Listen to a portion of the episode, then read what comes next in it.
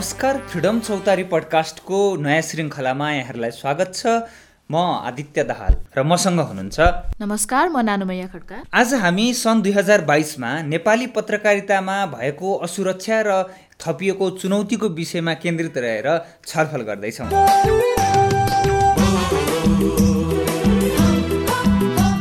नेपालमा क्रमशः लोकतान्त्रिक राजनैतिक वातावरण सुदृढ हुँदै गए पनि विगतमा चाहिँ यस वर्ष पनि नेपालमा प्रेस स्वतन्त्रता विरोधी गतिविधिहरू चाहिँ जारी नै रहेका छन्। यसै विषयमा चाहिँ फ्रिडम फोरमले तयार गरेको सन् दुई हजार बाइसको वार्षिक मिडिया प्रतिवेदन अनुसार पनि प्रेस स्वतन्त्रता उल्लङ्घनका घटनामा राज्यका निकायहरू नै बढी सङ्ख्यामा संलग्न देखिएका छन्।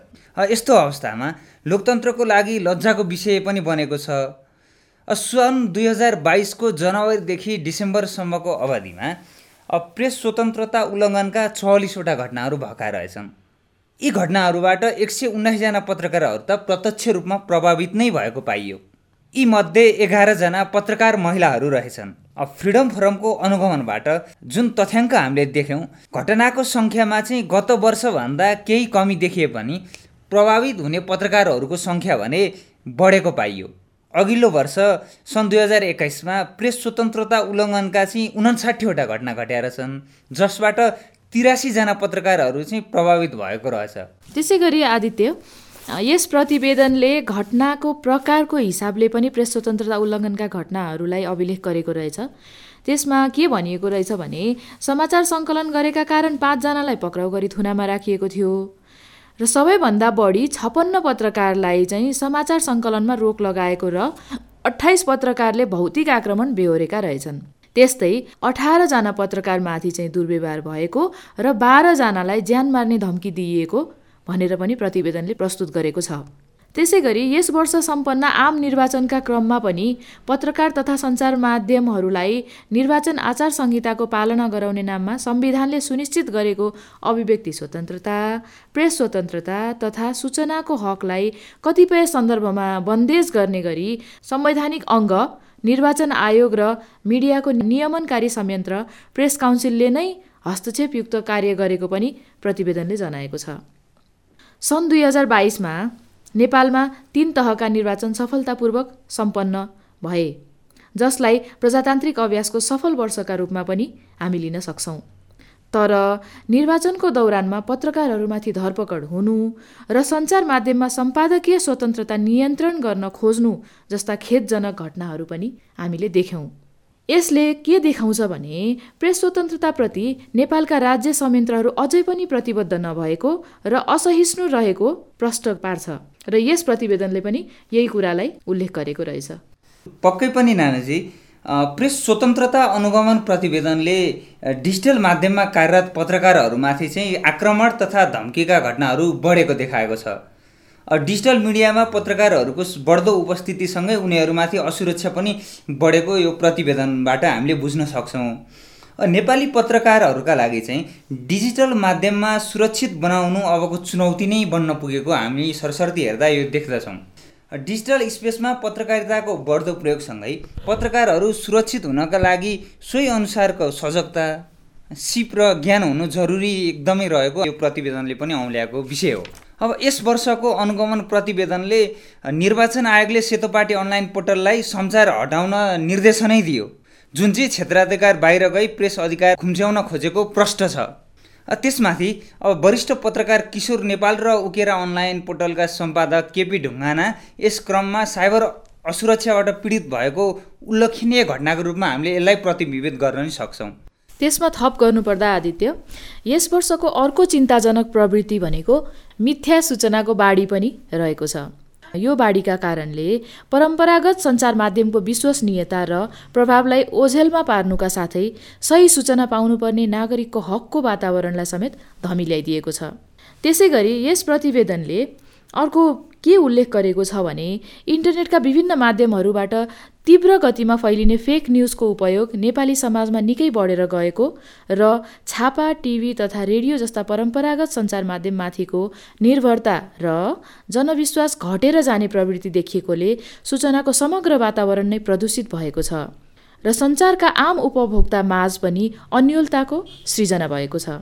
त्यसैले मूलधारका मिडियाले यी नयाँ चुनौतीको सामना गर्दै जनताको सही सूचनाको हक सुनिश्चित गर्ने भूमिका अझ सक्रिय र प्रभावकारी रूपले निभाउनु पर्ने बेला आएको यस प्रतिवेदनको पनि निष्कर्ष रहेछ। त्यस्तै नानुजी यो प्रदेशगत रूपमा प्रेस स्वतन्त्रता उल्लङ्घनका घटनालाई हेर्दा सन् दुई हजार बाइसमा सबैभन्दा बढी घटना बागमती प्रदेशमा घटेको देखिन्छ।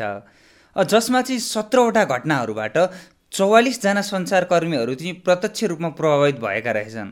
अब मध्य प्रदेशमा दसवटा घटनाबाट एकचालिस सञ्चारकर्मी प्रभावित भएका रहेछन्। त्यस्तै गण्डकी प्रदेशमा दुई घटनाबाट नै एघारजना र लुम्बिनी प्रदेशमा चार घटनाबाट एघारजना त्यस्तै कर्णाली प्रदेशमा भएका छ घटनामा सातजना सुदूरपश्चिम प्रदेशमा तिन घटनामा तिनजना प्रदेश एकमा दुई घटनामा दुई पत्रकार प्रभावित हुन पुगेको अभिलेख पनि हामीले देख्यौँ। कुल एक सय उन्नाइस प्रभावित पत्रकारहरूमध्ये साठी पत्रकार त सामूहिक रूपमा। यसो भन्नुको मतलब एकभन्दा बढी मिडियामा आबद्ध पत्रकारहरू। सञ्चार सङ्कलनबाट वञ्चित नै हुनु परेको हामीले पायौँ। पत्रकारहरूको आबद्धताको हिसाबले कुरा गर्नुपर्दा उन्साठी पत्रकारमध्ये छब्बिसजना त अनलाइन सञ्चार माध्यमसँग नै सम्बन्धित रहेछन्।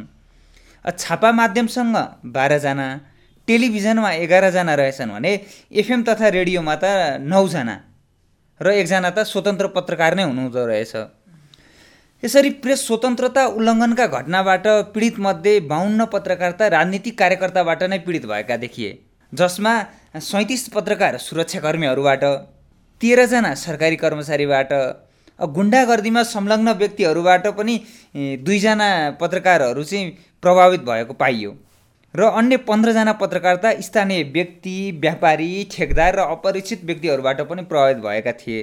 विगत बाह्र वर्षको प्रेस स्वतन्त्रता उल्लङ्घनका घटनाको तुलना गर्दा चाहिँ यस वर्षको तथ्याङ्कले प्रेस स्वतन्त्रता उल्लङ्घनका घटनाहरू दुई हजार उन्नाइस यता तेस्रो पटक घट्ने क्रममा नै रहेको देखाउँछ। यद्यपि प्रभावित हुने पत्रकारहरूको सङ्ख्या भने यसमा बढेको पाइयो। प्रभावित हुने पत्रकारहरूको सङ्ख्या त बढेको छ भने धेरै सङ्ख्यामा पत्रकारहरूलाई अवरोध बाधा सिर्जना त गरिएको छ सञ्चार सङ्कलनको क्रममा।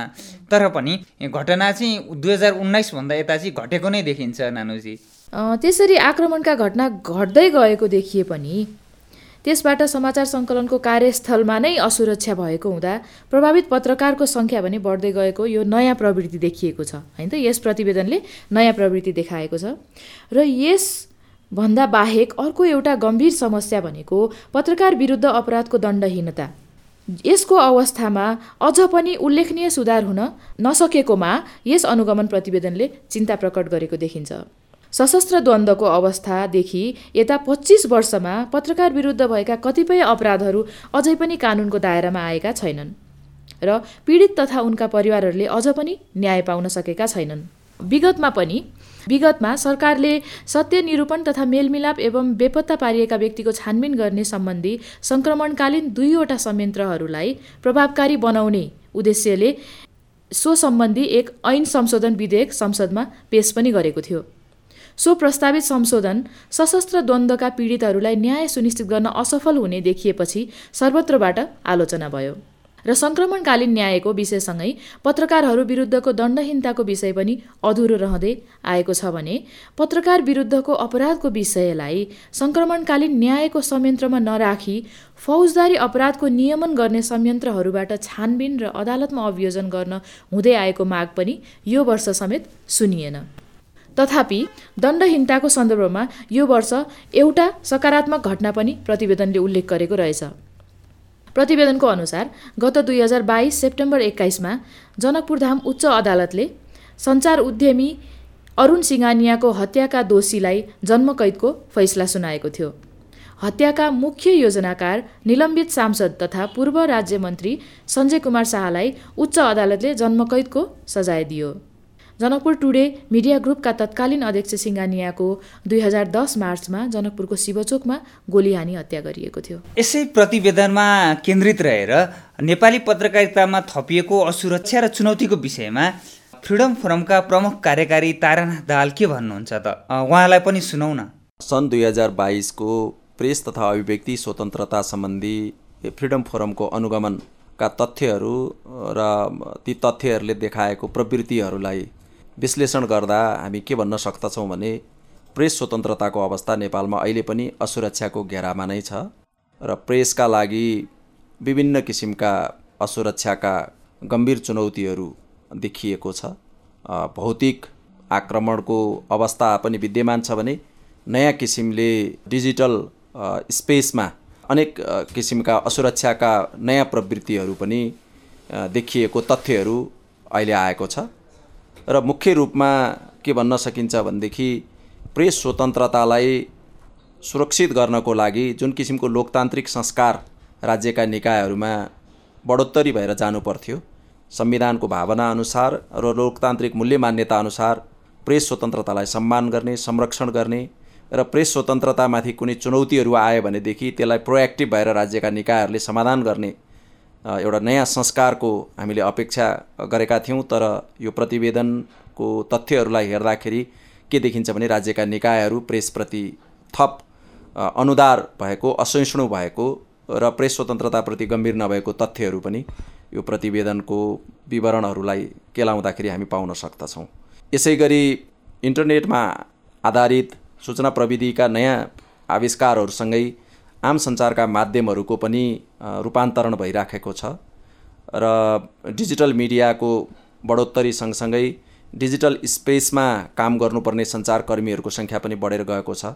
त्यसरी बढेर जाँदाखेरि यो डिजिटल साक्षरताको अथवा डिजिटल सिपको दक्षताको कमीले गर्दा अथवा डिजिटल स्पेसहरूमा जुन किसिमको एउटा खुला प्रवाह छ अभिव्यक्तिको त्यो प्रवाहका कारणले पनि आम सञ्चारका माध्यमहरू र आम सञ्चार कर्मीहरूलाई नयाँ किसिमको डिजिटल असुरक्षा बढेर गएको हामी देख्न सक्दछौँ। खास गरी सन् आम सञ्चारका माध्यमहरू यति बेला विश्वसनीयताको एउटा सङ्कटमा परेका छन् र त्यसको मूल कारण आम सञ्चार माध्यमहरूको पत्रकारिताको अभ्यास भन्दा पनि इन्टरनेटका माध्यमहरूमा जुन किसिमका कन्टेन्टहरू विभिन्न किसिमका जस्तो कन्टेन्टहरू प्रभाव भएको छ खास गरी फेक न्युजको जुन बाढी छ त्यसले आम सञ्चारका माध्यमहरू चेपुवामा परेको तथ्यहरू पनि यसबाट हामी देख्न सक्दछौँ। र प्रेस स्रोतलाई सबल बनाउनको लागि जुन किसिमको नीतिगत सुधारहरू आवश्यक थियो नयाँ कानुनहरूको हामीलाई आवश्यकता थियो संविधानको भावनालाई कार्यान्वयन गर्नको लागि त्यसअनुसार प्रेस स्वतन्त्रतालाई सुनिश्चित गर्ने कानुन बनाउन अघिल्लो संसदको पाँच वर्षीय अवधि निरर्थक भयो। त्यसले गर्न सकेन र गएको वर्षमा पनि खास नीतिगत सुधारहरू हुन सकेनन्। संसदमा भएको सूचना यो सूचना प्रविधि कानुन होस् मिडिया काउन्सिल कानुन होस् अथवा पब्लिक सर्भिस ब्रोडकास्टिङ ल होस् ती कानुनहरू अगाडि बढ्न सकेनन् भने आम सञ्चार विधेयक पनि संसदमा आउन सकेन। यसै गरी प्रदेश र स्थानीय तहमा पनि विभिन्न किसिमका प्रेस स्वतन्त्रतालाई आघात पुग्ने किसिमका कानुनहरू बनिरहेका छन्। तिनलाई प्रेस स्वतन्त्रता मैत्री कानुनको जुन आवश्यकता थियो त्यसलाई पुरा गर्न सन् दुई हजार बाइस असफल भयो र नीतिगत सुधारका चुनौतीहरू अहिले पनि छन् र यसले पनि प्रेसलाई असुरक्षित बनाएको छ भनेर हामी भन्न सक्दछौँ। मुख्य रूपमा प्रेस स्वतन्त्रताका लागि सरकारलाई जवाफदेही बनाउनु पर्ने हो। सरकार ज जवाफदेही र इमान्दार र उत्तरदायी भयो भने मात्रै प्रेस सुरक्षित हुन सक्दछ। प्रेसमाथिका असुरक्षाका अवस्थाहरूलाई हटाउनको लागि दण्डहीनताको अवस्थालाई संवेदनशील रूपमा लिनुपर्दछ। त्यो कुरामा पनि गएको वर्ष त्यति उल्लेखनीय र सकारात्मक सुधारहरू हामी देख्न सक्दैनौँ। र अन्तमा के भन्न सकिन्छ भने यी तथ्यहरूलाई केलाउँदाखेरि प्रेस स्वतन्त्रताका लागि अहिले पनि नागरिक समाजले सशक्त दबाव र आवाज उठाउनुपर्ने आवश्यकता छ। नागरिक समाजको सक्रियता बिना स्वतन्त्र प्रेस सम्भव छैन र प्रेसको स्वतन्त्रता प्रेसको मात्रै होइन त्यसले आम जनताको सुसूचित हुन पाउने अधिकारको प्रवाहलाई सेवा गर्नका लागि सार्वजनिक सूचनाहरूको प्रवाह गर्ने माध्यम मात्रै हो प्रेस स्वतन्त्रताको माध्यम भनेको। त्यसैले पनि नागरिक समाजको दबाव र नागरिक समाजको सक्रियता बढाउनु पर्ने र राज्यलाई जवाबदेही बनाउनु पर्ने कुराले मात्रै भावी दिनमा हामीले प्रेस स्वतन्त्रताको अवस्थामा सुधार ल्याउन सक्दछौँ।